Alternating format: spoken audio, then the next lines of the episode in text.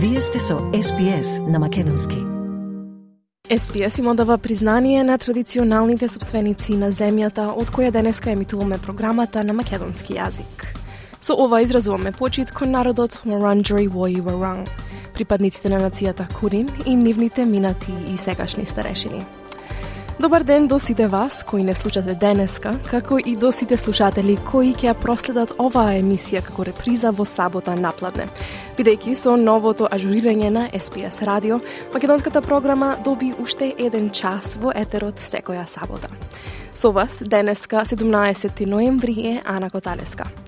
Првиот дел од денешната програма го посветуваме на некои од најважните вести од неделава. А потоа, во извештајот од Македонија, меѓу другото, ќе се осврнеме на животот и делото на артистот Мето Јовановски, кој вчера почина на 77 годишна возраст. Потоа ве носиме во светот на филмот со делото насловено Домакинство за почетници на режисерот Горан Столевски. А имаме и разговор со Ива Дуровска, член на македонскиот фолклорен ансамбл Adelaide Слобода за овогодинешниот настап на мултикултурниот фестивал на Јужна Австралија. Затоа останете со нас, продолжуваме со вестите од земјава и светот.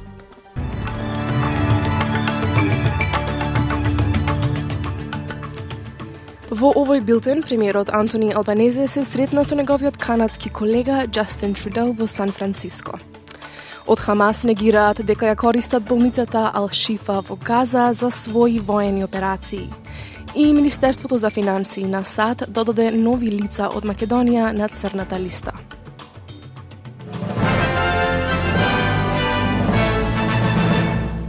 Премиерот Антони Албанезе се состана со неговиот канадски колега Джастин Трудоу на самитот на АПЕК во Сан Франциско. Лидерите разговараа за билатералните односи меѓу двете држави и можности за справување со важни прашања, како што е глобалното затоплување. Антони Албанезе рече дека двете земји имале корист од фосилните горива во минатото, но тие имаат ресурси и минерали кои што ќе придонесат во глобалната транзиција кон чиста енергија. Uh, historically, we've both been uh, very, uh, very much uh, benefited our growth from fossil fuels, but we're in a global transition to clean energy economies, and uh, Australia and Canada both have great resources of critical minerals and the things that will drive the economies in, in this century. Висок функционер на Хамас ги негираше тврдењата на израелските одбранбени сили дека болницата Ал-Шифа се користи за војни операции и за приведување заложници. Членот на политичкото биро на Хамас, Осама Хамдан, ги повика меѓународните организации да испратат представници во болниците во Газа и сами да потврдат дали тоа е така. After 20 hours of attacking all the hospital facilities, searching and tampering with all the contents and departments, the spokesperson for the Occupation Army came out, as usual, with a weak and ridiculous story, saying that he had found several rifles, a Kalashnikov, a laptop, a military uniform, and an old pair of shoes, which he displayed on the shelves and moved from one place to another, and appearing in front of journalists as if he was displaying his goods in a supermarket or in a hotel room. Според извештаите од Газа, израелските одбранбени сили ги продолжуваат своите операции во болницата Ал-Шифа во потрага по милитанти на Хамас, за кои велат дека може би се уште се кријат. Имигрантите во долгорочен притвор, вклучително и криминалци кои беа ослободени по одлуката на Врховниот суд, се соочуваат со задолжителни затворски казни и нараквици за следење според нови строги закони. Итното законодавство за промена на правилата на визите беше усвоено во парламентот во четврток, како одговор на владата за стравувањата околу безбедноста во заедниците. Убици и силувачи се меѓу 84-те баратели на азил кои беа ослободени, откако судот минатата недела утврди дека притвор на неодредено време е незаконски задолжителен електронски мониторинг и полициски час покрај задолжител, задолжителните минимални затворски казни за лицата кои ги прекаршуваат условите се меѓу шесте амандмани со кои се согласи владата. Независната пратеничка Селфи Скемпс за Канал 9 изјави дека таа верува дека новите закони ќе помогнат внимателно да се следат поранешните затвореници. Look, I think it's a really good measure for to, to, to, address the community concerns so that we do keep a tab on these people. As we know, it was a High Court decision, so these 84 uh, stateless people had to be released into the community, and the government has responded very quickly so that we know that these people are being monitored and we know where they are and we can keep tabs on them. Британскиот министер за надворешни работи Дейвид Камерон на своето прво патување во странство во својата нова функција посети пристаниште за жито во Одеса, кое повеќе пати беше погодено од руски воздушни напади. Украина се обиде да отвори коридор за поморски извоз, откако Русија во јули се повлече од договорот постигнат со посредство на Обединетите нации, со цел и покрај војната да се возможи извоз на храна. Осигурителниот брокер Маш, осигурителите Lloyds of London и украинските државни банки отворија објект кој треба да придонесе кон намалување на трошоците за штети на бродови и екипаж кои превезуваат жито низ коридорот на Црното море. Господин Камерон ги посети бродовите на украинската морнарица со неговиот колега Димитро Колеба. Тој вели дека пристаништето во Одеса ќе игра клучна улога во економското опоравување на Украина. Според него, отворањето на осигурителниот објект ќе дозволи на Украина да ја развие својата економија.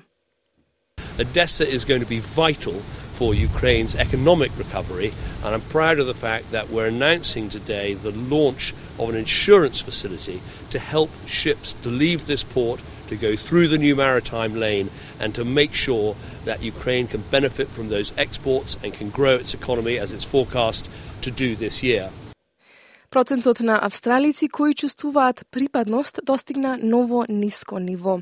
Проценката на социјалната кохезија на фондацијата Сканлон за 2023 година откри дека само 48% од австралиците годинава се чувствувале како дел од заедницата, во споредба со 52% во 2020 година. Извештајот исто така откри дека финансиските притисоци и трошоците за живот влијаат на повеќе австралици, при што 48% ги наведуваат економските прашања меѓу наитните, а 14% се загрижени за достапноста на домови. Главната извршна директорка на организацијата Мултикултурна Австралија, Кристин Касли, верува дека притисоците со кои се соочија австралиците во пресрет на пандемијата влијаеше на перцепцијата за кохезија во земјава. So what we really need to do as a country, I think, is work on building that resilience, work on those um, strengths that we all need to have in terms of being able to reach out, connect, communicate with each other, learn how to straddle differences and learn how to come together with our different histories and stories and experiences. There's a real piece here for us actually and an opportunity for us to create true belonging in Australia. Процентот на австралици кои чувствуваат припадност достигна ново ниво. Специјалниот известувач на Обединетите нации за палестинските човекови права, Франческа Албанезе, во Националниот прес клуб во вторникот, упати остра критика за одговорот на Австралија на насилството на израелската војна во Газа. Таа ги осуди, како што ги нарече, воените злосторства извршени од милитантите на Хамас на 7 октомври, но ги истакна и, теков, и тековните злосторства во Газа и историските злосторства од страна на израелската влада на палестинска територија.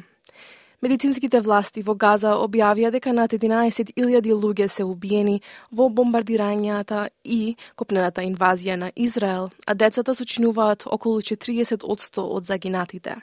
Госпогица Албанезе вели дека земите како Австралија се неуспешни во својата должност целосно да го поддржат меѓународното право. And in the face of all this, the international community is almost completely paralyzed, with the UN experiencing its most epic political and humanitarian failure since its creation.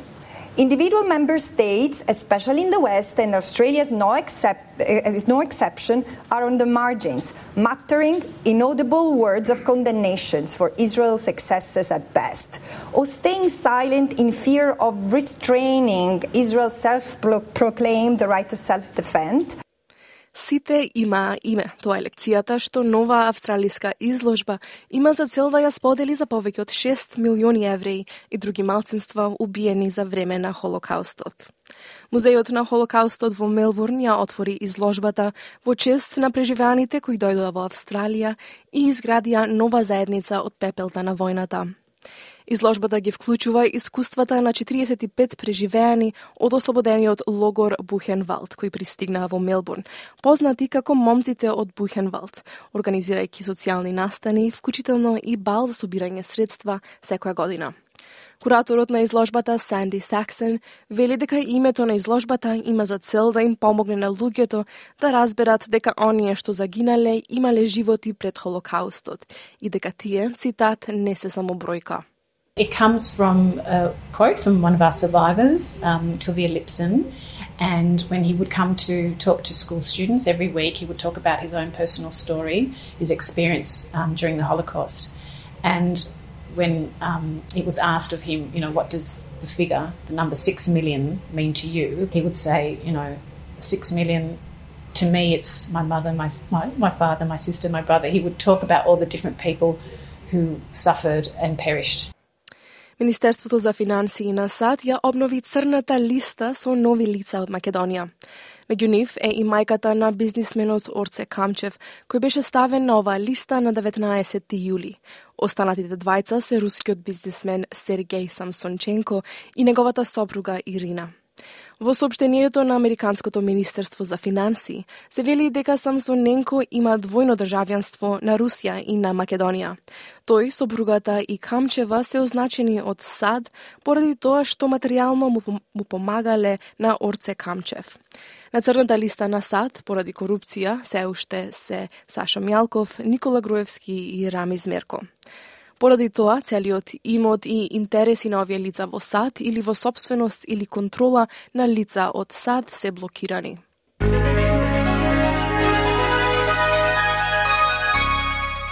Од најновата курсна листа денеска еден австралиски долар се менува за 0,59 евра, 0,65 американски долари и 36,58 македонски денари, додека еден американски долар се менува за 56,22 македонски денари, а едно евро за 61,06 македонски денари. И временската прогноза за главните градови за утре, сабота 17 ноември, во Перт сончево 31 степен, во Аделаид претежно сончево 27, 21 степен се очекува во Мелбурн, делумно облачно. Слаби повремени врнежи во Хобарт 28, 28 и за Канбера претежно сончево. Во Сиднеј делумно облачно 24, за вас во Бризбен делумно облачно и 26, во Дарвин сончево 34 и за Елес Спрингс слаби повремени врнежи и можна бура 31 степен.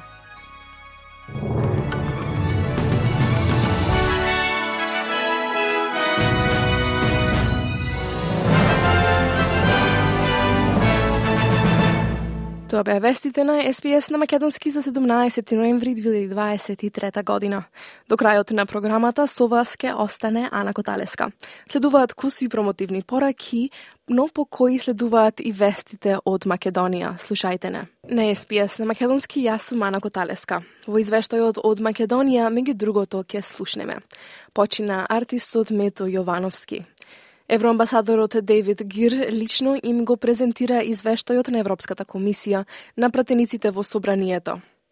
Цитат «Страшна и одвратна е бугарската блокада на македонската евроинтеграција», рече во Скопје унгарскиот министер Петар Сијарто. И министерот Оливер Спасовски изјави дека ниеден граѓанин нема да остане без нови лични документи. Да слушнеме подетелно од нашиот редовен известувач од Македонија, колегата Бране Стефановски.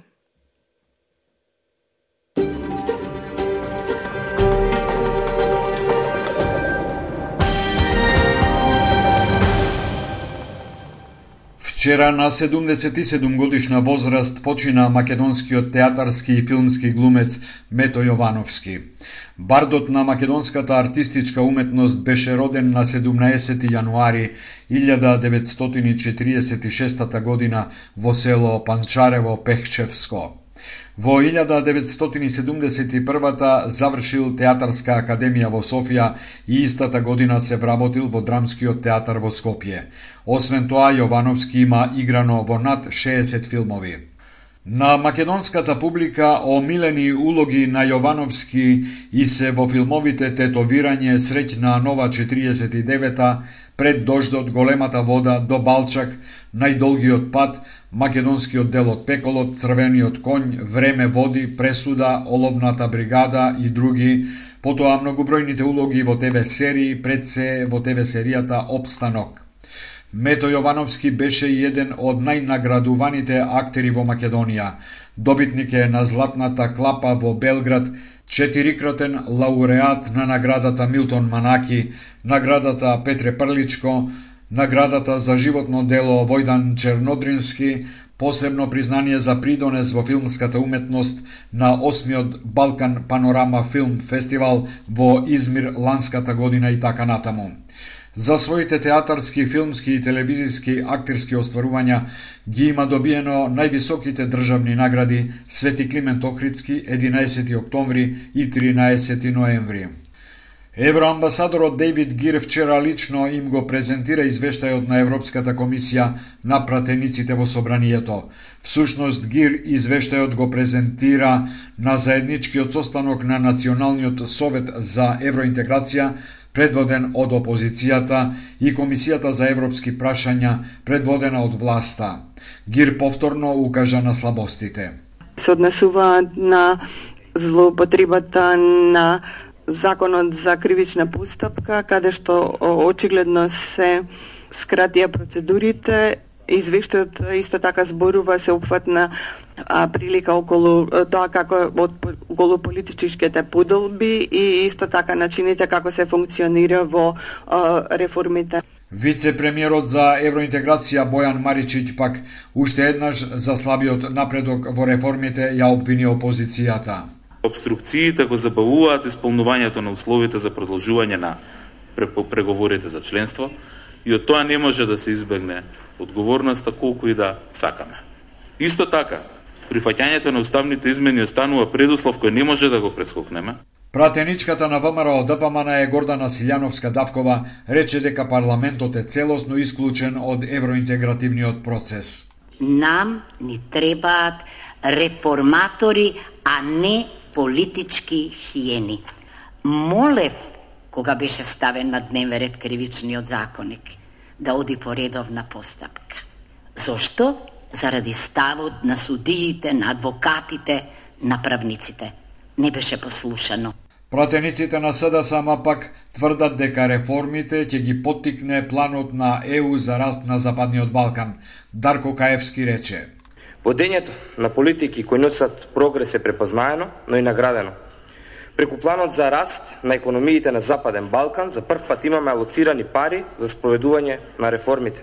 Двете страни единствено се согласија дека зад затворени врати ќе разговараат за патоказите што ќе ги добие Македонија од Унијата за да се постигне политички консензус за нив. Министерот за надворешни работи на Унгарија Петар Сиарто при вчерашната официјална посета на Скопје ја нападна Бугарија, нагласувајќи дека бугарската блокада кон Македонија е многу штетна за македонската евроинтеграција. Страшна и одвратна е бугарската блокада на македонската евроинтеграција, рече Сиарто на заедничката пресконференција со неговиот домаќин. Ова е страшно, страшно е што Бугарија го блокираше писмото кое требаше да се испрата, испрати на Северна Македонија пред неколку недели.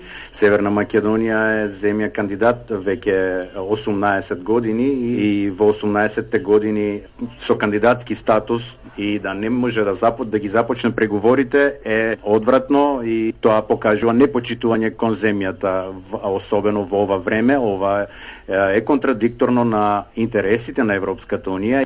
Унгарија заедно со Македонија е една од земјите на која Бугарија и воведе дополнителна такса на рускиот газ, потек што Сиарто го нарече непријателски, за кој Унгарија веќе отворила постапка во Брисел.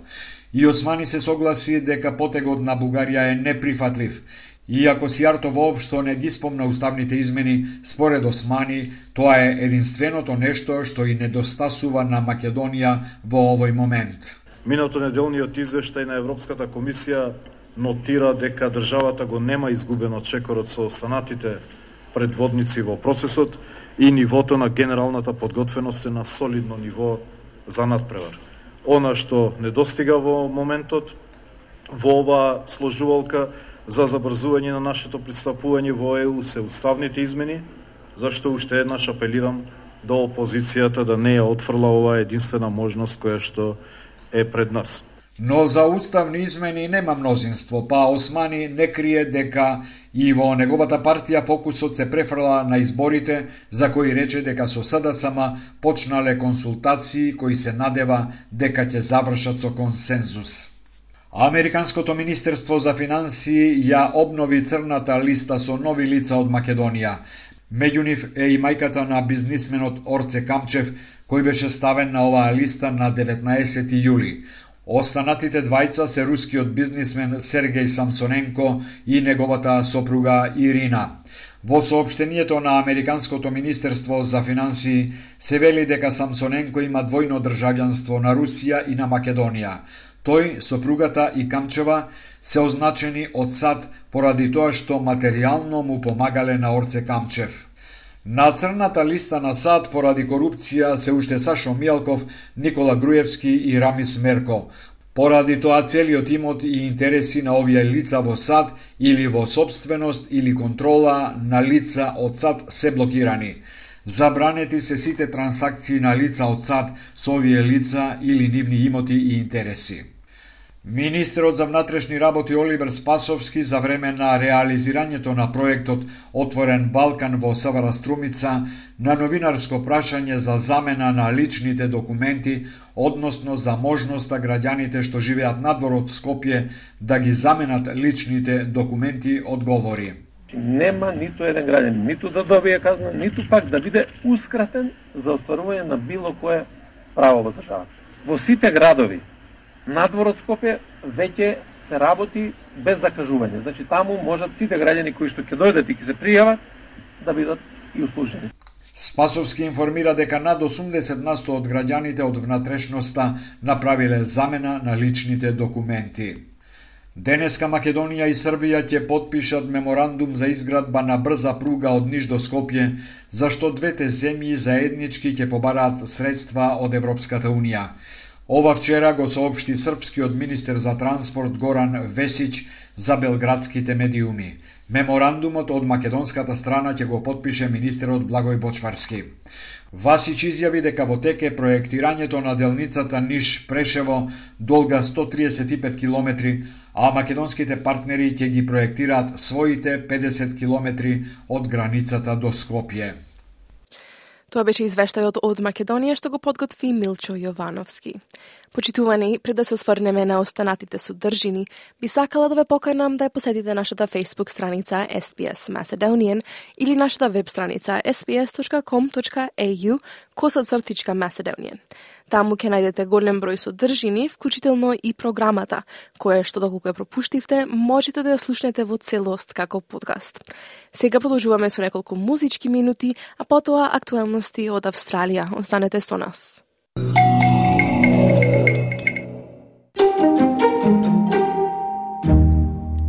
На СПС на Македонски со вас денеска е Ана Коталеска.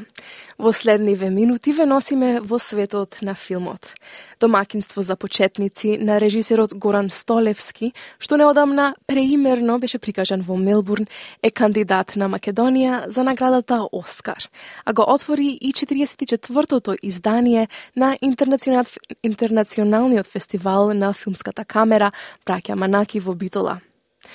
Постпродукцијата беше изработена во релација Европа-Австралија, вклучително и во Мелбурн, Аделаид, Гетеборг и Варшава. Филмот предходно имаше светска премиера во рамките на надпреварувачката програма Хоризонти на престижниот филмски фестивал во Венеција, каде ја доби наградата Queer Love, односно Queer Lion. Филмот доби и специјално признание од италијанската фондација Фондационе Фаи Персона Лаврово Амбиенте за социјално ангажиран филм. Во своето трето долгометражно дело, тематски комплетно различно од предходните остварувања, вклучително и Нема да си сама, Овен Age, Столевски уш, умешно ги отвора комплексните прашања за длабоко вкоренетата расна дискриминација кон ромите, за половата и сексуалната дискриминација, како и за тоа што представува семејство и улогите во него. Повеќе детали за филмот на македонски можете да ги најдете на нашата интернет и Facebook страница во напис од колешката Маја Талевска.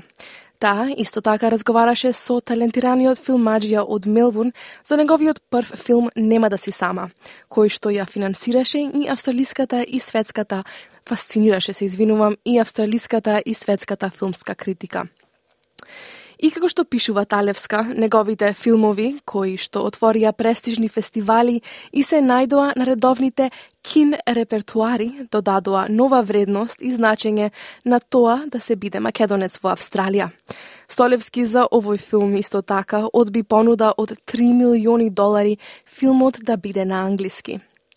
Тој рече дека сакал да го довол... да се извинувам, да го долови животот во поречението во Македонија онаков каков што бил во 19-тиот век пред тој свет целосно да исчезне. Но колку беше трнлив патот до успехот? Да слушнеме во дел од нашето подолго архивско интервју на колешката Маја Талевска со извонредниот Горан Столевски.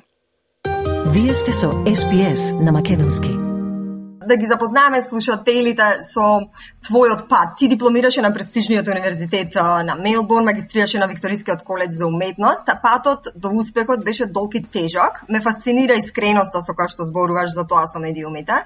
Затоа сакам да те вратам сосема на почетокот. И кога беше најтешко и што е она што те тераше да истраеш? Па, баш е чудно што ја, ја, јас би рекол последните неколку години, дури после таа наградата што ја спомнате во Санденс, тоа беше во 2018 за еден краток филм кој што исто така го сними во Македонија. Тој ја доби таа незначена награда и во тој момент мислев дека веќе добро сум постигнал се што треба, веќе бев спремен за огромен успех, што мислев ќе се случи скоро веднаш автоматски.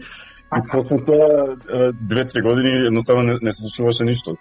Немаше некој посебен интерес а, во моите проекти. А, јас бев заглавен од професионален поглед, иако имав доста као блескави премиери, фестивали и состаноци со огромни компании кои што се никаде не водеа на крај. И иронијата е што предходните 15 години јас бев во позиција каде што буквално немав ни еден состанок, ни фестивал, ни премиера, ни ништо, ама во тој момент бев толку оддалечен од некој ваков успех што делуваше стварно како сон, ама во, во, во, кога си во таа состојба може едноставно може да сонуваш, затоа што нешто што делува недопирливо, кога се стремиш кон тоа, некогаш е подобро да да не знаеш колку е далеку далеку од тебе. колку е длабоко. да. Да, да, абсолютно, ама после кога ќе да пливаш, да. Јас, да, кога ја сватив која е реалноста и која се слушуваа нови препреки и, и кога се појавуваа нови као невозможности, не знам како да ги наречам, тие години беа многу тешки од 2018 до 2020 од прилика. Така. И пандемијата веројатно си го направи своето. А, па да, ја ствари требаше да го снимам филмот во март 2020 и баш слетав во Македонија на мислам на 5 март или така нешто и се вратив на 8 толку брзо се се се се тоа. Значи стигна таму да да почнам да подготвувам филм, направив две аудиции, испив четири кафења со четири тетки и се вратив во Австралија затоа што целиот пет имплодираше во тој момент. Така, ми се допаѓа дека сега можеш да гледаш со доза на хумор на сето тоа, како дури на неприликите, меѓутоа знаеш како велат станува најтемно пред да се зазори пред да се раздени, пред силно да светне денот како што се случи за тебе во 2022. Ти порасна во Тетово и се пресели во Австралија на 12 години. Преселбата е едно од најтрансформативните искуства, ете и по себе можам тоа да го да го заклучам, значи не тера да превземиме улоги за кои што никош не сме сонувале или да се најдеме себе си во некакви искуства кои што никош предходно не ни биле ни приближно блиски. Колку искуството како мигранти ги изостри животните и естетските инстинкти? Колку те обликува како автор? Ова е секако хипотетичко прашање, меѓутоа дали Uh, мислиш, може би самиот си го поставил некогаш себе си, дали ке станеше автор, писател, режисер, ако не беше преселбата во Австралија?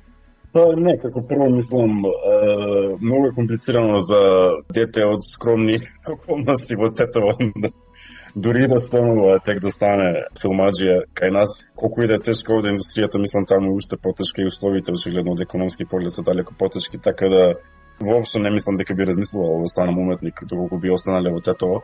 И, и од овде беше до некој степен нереално, мислам, некој што и, и од овде некој што потекнува од македонската заедница, нема никој не му се отвараат брати лесно во во филмска индустрија. И, не, воопшто не би очекувал кога не би бил мигрант, а, а исто така кога се преселивме овде тогаш се роди таа склоност и љубов моја према киното и према филмовите, бидејќи кога стигнав овде не познавав многу луѓе и во таа изолација, мислам, автоматски како човек бараш некаква конекција, не, нешто кога ти фали другарство и осет околу други луѓе. И мислам дека за мене тоа го исполнија филмовите што ги гледав. Преку уметноста на некој начин се исполнува во тој емоционален поглед за некои работи што ми фалеа во секојдневниот живот на времето. Така да љубовта кон уметноста се роди од тоа што сум емигрант.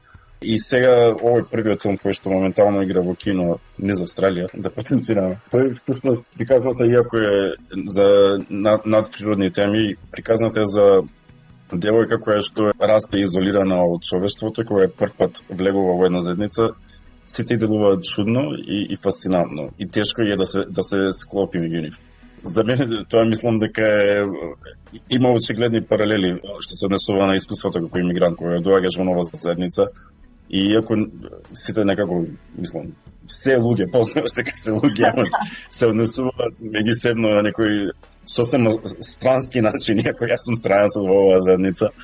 Мислам дека очигледно тоа што сум имигрант влие на многу директен начин врз уметност и делата што ги стварам. Мада многу често не сакам да го потенцирам тоа, зашто сепак би сакал да мислам дека приказните што ги составам се универзални. Така, сушност имам две прашања што ми произлегуваат од ова. Прво, едно тоа е би рекла дека твојот сепак европски балкански сензибилитет исполиран на австралиски начин е срцето од каде твоите приказни ја црпат енергијата, имаат душа.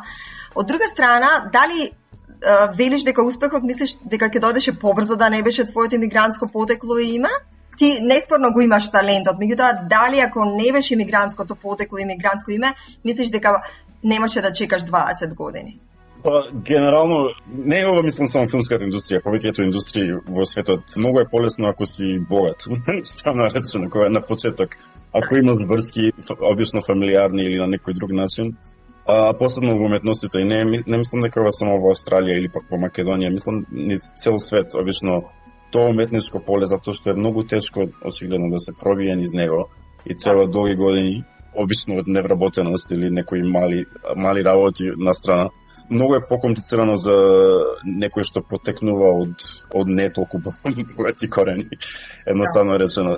А, кога зборувам за тоа, не мислам дека би бил повеќе талентиран, ако сум роден во Австралија, воопшто мислам наспротивно, но не мислам дека талентот и успехот се секогаш поврзани во оваа индустрија и секако постојат а, многу посериозни пречки за луѓе што доаѓаат или не само од мигрантска потекло, туку едноставно по, по-скромно, по-сиромашно потекло, затоа што многу е потешко да се преживее и истовремено да се да се развие талентот и струката затоа што за тоа се обично потребни доста пари и некои услови што едноставно не се толку достапни кога си од потегло како што е моето или виркол нашето. Така. Филмот You Won't Be Alone е надреалистична приказна со хорор елементи. Зошто ја избра Македонија во 19 век за сцена на твојот филм?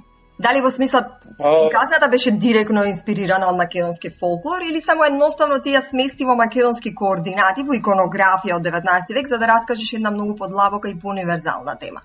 Како прво мислам, јас сакав да направам некоја приказна која што има корени во хоророт, ама воопшто не е хорор филм. Не, мислам, не би, не би го опишал конкретно како хорор филмот, не е посебно страшно, едноставно е како некоја бајка или легенда што би била кажана, например, баба или дедо на внуче би, би му раскажал. А, и сакав да направам нешто тако, што наместо да биде страшно или ужасно или језиво, едноставно биде као, да, да делува како секојдневен живот. Сакав да комбинирам нешто што навистина го делува живот како што бил во 19 век, еден тој земјоделски живот кој што го формира човештвото со не само во Македонија, туку по големиот дел од светот со илјадници години. И што сега полека исчезнува. И сега во овие последни моменти пред сосема да исчезна, сакав да пробам да го доловам. И сакав истовремено да биде таа приказна нешто како да не е врзана за времето, за временскиот период, затоа што Ист, истата приказна би можела да биде прикажана во 13 или 15 век со многу многу мали разлики. А, сака да биде нешто као што иако е действието Македонија поточно порече во 890-те години да биде истовремено релевантна за било кој предел во Евроазија во било кој време, во било кој временски период. Прекрасно. Филмот е снимен на македонски диалект. Фасцинира фактот од аспект на твојот уметнички интегритет, значи настрада патриотизмот, од аспект на уметнички интегритет, дека во моменти кога може би успехот на филмот и не бил толку извесен, ти одби 3 милиони долари од дистрибутерот кој ти понуди филмот да биде на англиски. Зошто и беше ли тешко да се донесе таа одлука?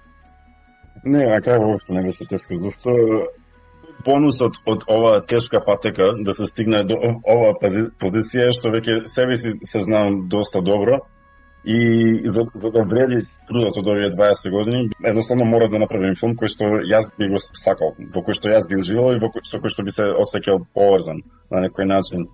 Како што реков, ми беше мене целта да, да опфатам нешто како што е, бил секојдневниот живот порече во 19 век, За мене не може никаква логика поричаните да зборуваат на англиски. и знаев дека филмот и за пони за Бузет може сепак да се сними до некој степен да и да изгледа како што треба, без да се жртвува ништо, освен платата. Платата собствено не жртвува, тоа беше проблемот. Ама преживеав на некој начин и без тоа, не е тоа толку страшно. И луѓето зборува, исто има и влашки и македонски во филмот, значи не е само македонски А македонскиот диалект во кој што зборуваат, е, тој е исто така детално истражуван да биде поврзан со северно-поречкиот и полошкиот диалект од тој период, заради таа тема, да се долови нешто како што било да секојдневието и да се задржи, затоа што овој филм може да се гледа за 100 години и луѓе да знаат како се живеело во Порече во 19 век. И моментално имаме многу малку дела кои што го фаќаат тој период и било кој наш историски период на некој реален начин кој што го прикажува секојдневието И заради тоа ми беше важно да видам што колку што може веродостоен на тоа како се живеело на времето. Тоа беше режисерот Горан Столевски во разговорот со колешката Маја Белталевска. Доколку сакате да го слушнете целото интервју, тоа е достапно на нашата интернет страница sps.com.au косацртичка Macedonian. По неколку куси промотивни пораки од СПС, ќе слушнеме за тоа како беше представена македонската култура на неодамнешниот мултикултурен фестивал во Аделаид. Останете со нас. На СПС, на македонски јас сум Ана Котареска. Во наредниве минути разговараме со Ива Дуровска, член на македонски фолклорен ансамбл Adelaide Слобода, за овогодинешниот настап на мултикултурниот фестивал на Јужна Австралија. И покрај тоа што македонската заедница во Аделаид е помалу бројна од некои други делови на Австралија, Куд Слобода е доказ дека љубовта кон македонскиот фолклор, оро и песна превладува во секакви околности.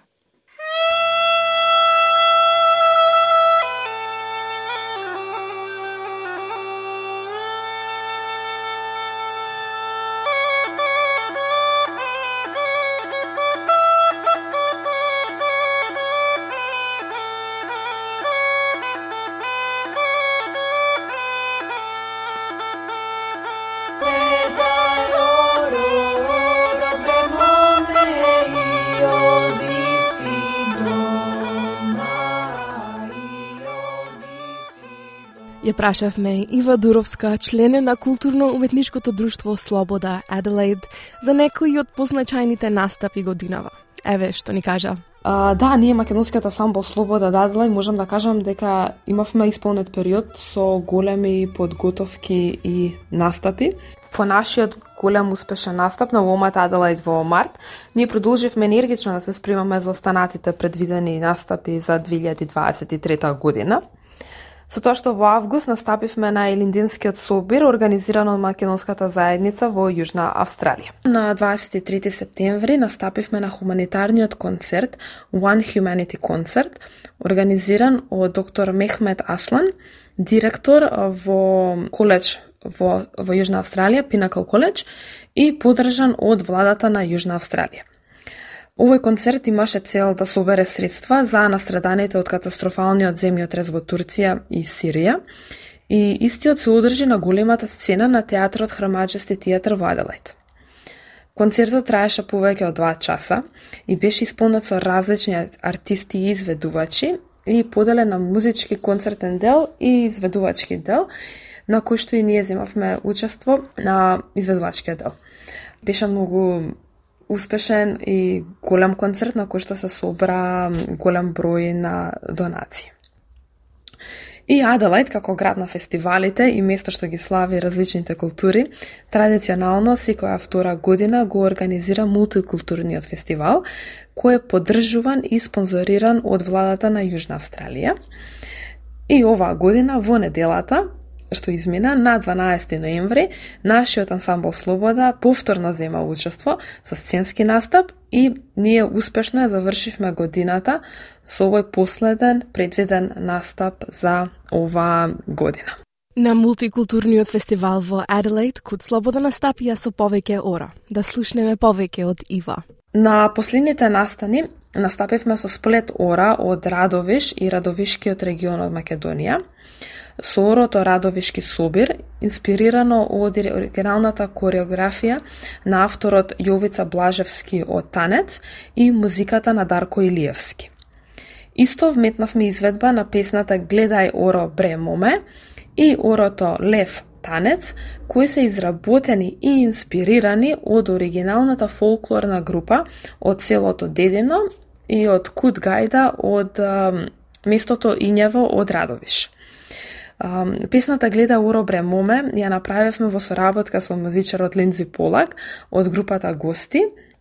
Тој е истиот со кој што заедно настапивме на фестивалот Вомат и он ги отсвири, отсвири оваа песна и Оро на Гајда. Ние сме му многу благодарни и срекни што Линзи го направи аранжманот на песната и урото, специјално само за нас, затоа што тие не се јавно достапни и немаат сценска изведба што ние би можеле истите да искористиме за настапите.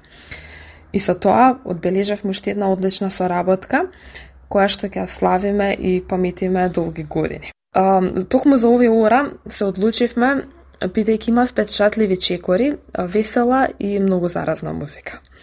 А поготово орото Лев Танец е толку уникатно и препознатливо за Радовишкиот регион и особено во делот каде што се игра и завршува орото на левата страна на на левата страна. Тоа е толку е автентично што ни едно друго оро го нема тој момент. Um, кореографиите оваа година напорно ги спремаше и работеше нашиот сценски кореограф Јасмина Георгиевски, која искрено вложи многу енергија и време да не научи нас другите членови. Она се погрежи да секој детал изгледа перфектно и на свое место. Ние останатите членови сме многу благодарни за вложениот труд, комплетната ангажираност, посветеноста и замислата до последен детал за времето, а најмногу за трпението што го имаше за останатите 10 членови. Ти благодариме многу Јасмина за тоа. Иако Аделајд е мал град и да, и бројот на македонци кои живеат тука е помал, ние сепак имаме голем број на македонци што не подржуваат и дојдоа да не гледаат на последните настапи. Значи, овие моменти се многу значени за нас, особено во моментот кога ќе ги слушнеме аплаузите и позитивните овации на публиката. Со тоа сите заедно во тој момент ја промовираме и афирмираме македонската култура. А што се планира во иднина? Па, за остатокот на годината имаме планирано да продолжиме да се подготвуваме за настапите за 2024 година и за најблискиот настап кој ни е во февруари на локалниот мултикултурен фестивал кој се одржува во општината каде што е и нашето друштво и кој што го посетуваат многу македонци. И на кој ќе настапиме со истите кореографии од Радовиш.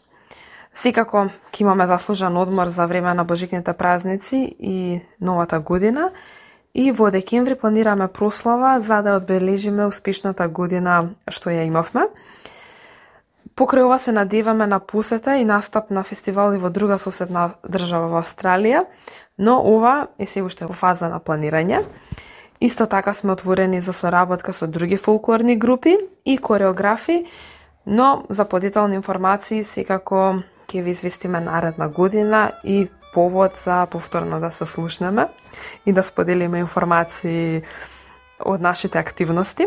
Во 2024 година продолжуваме со редовните неделни рекреативни часови за македонски ора, кои се отворени за оние кои сака да ги научат нашите ора, да се дружат и забавуваат истовремено преку македонска музика и ора. И исто така да напоменам дека и детската група продолжува со работа, и нашите најмлади членови кои се активни и тие се спрема, ќе се спремаат напорно за наредните настапи во наредната година, се со цел да се, да се надеваме за успешна година што ни следува.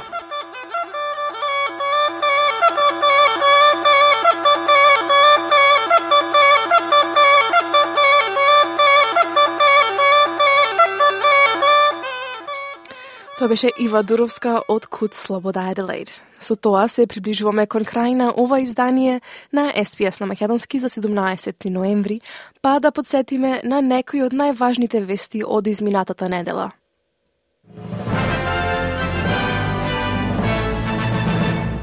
Премиерот Антони Албанезе се сретна со неговиот канадски колега Джастин Трудел во Сан Франциско. Од Хамас негираат дека ја користат болницата Ал-Шифа во Газа за своји воени операции. И Министерството за финансии на САД додаде нови лица од Македонија на црната листа.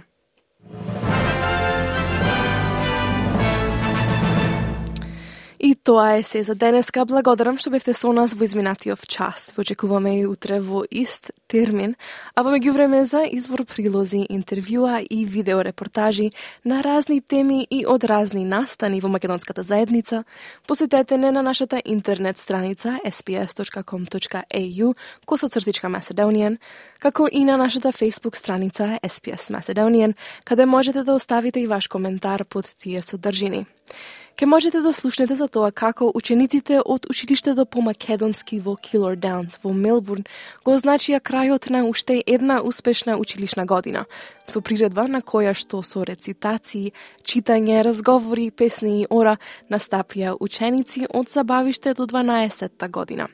Но исто така и да видите, бидејќи имаме неколку минутна видеорепортажа од настанот.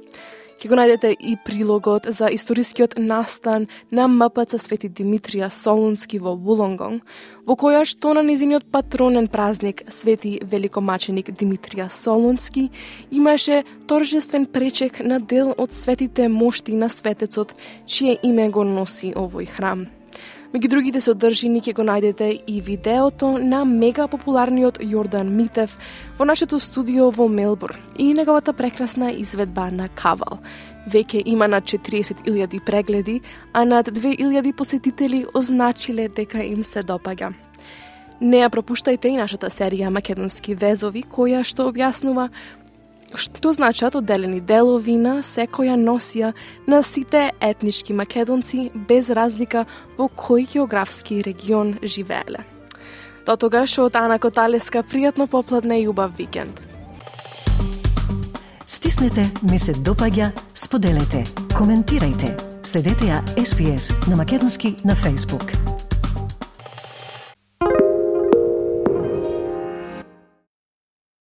SBS is Australia's most trusted multilingual broadcaster. Our listeners are loyal, highly engaged, and have supported countless local businesses. We offer advertising packages for businesses of all sizes. Our experienced sales team will guide you through the process of owning a great campaign. Bring your own ad or have our production team make you something in one of our 68 languages. Start the conversation with your new audience today. Email sales at sbs.com.au.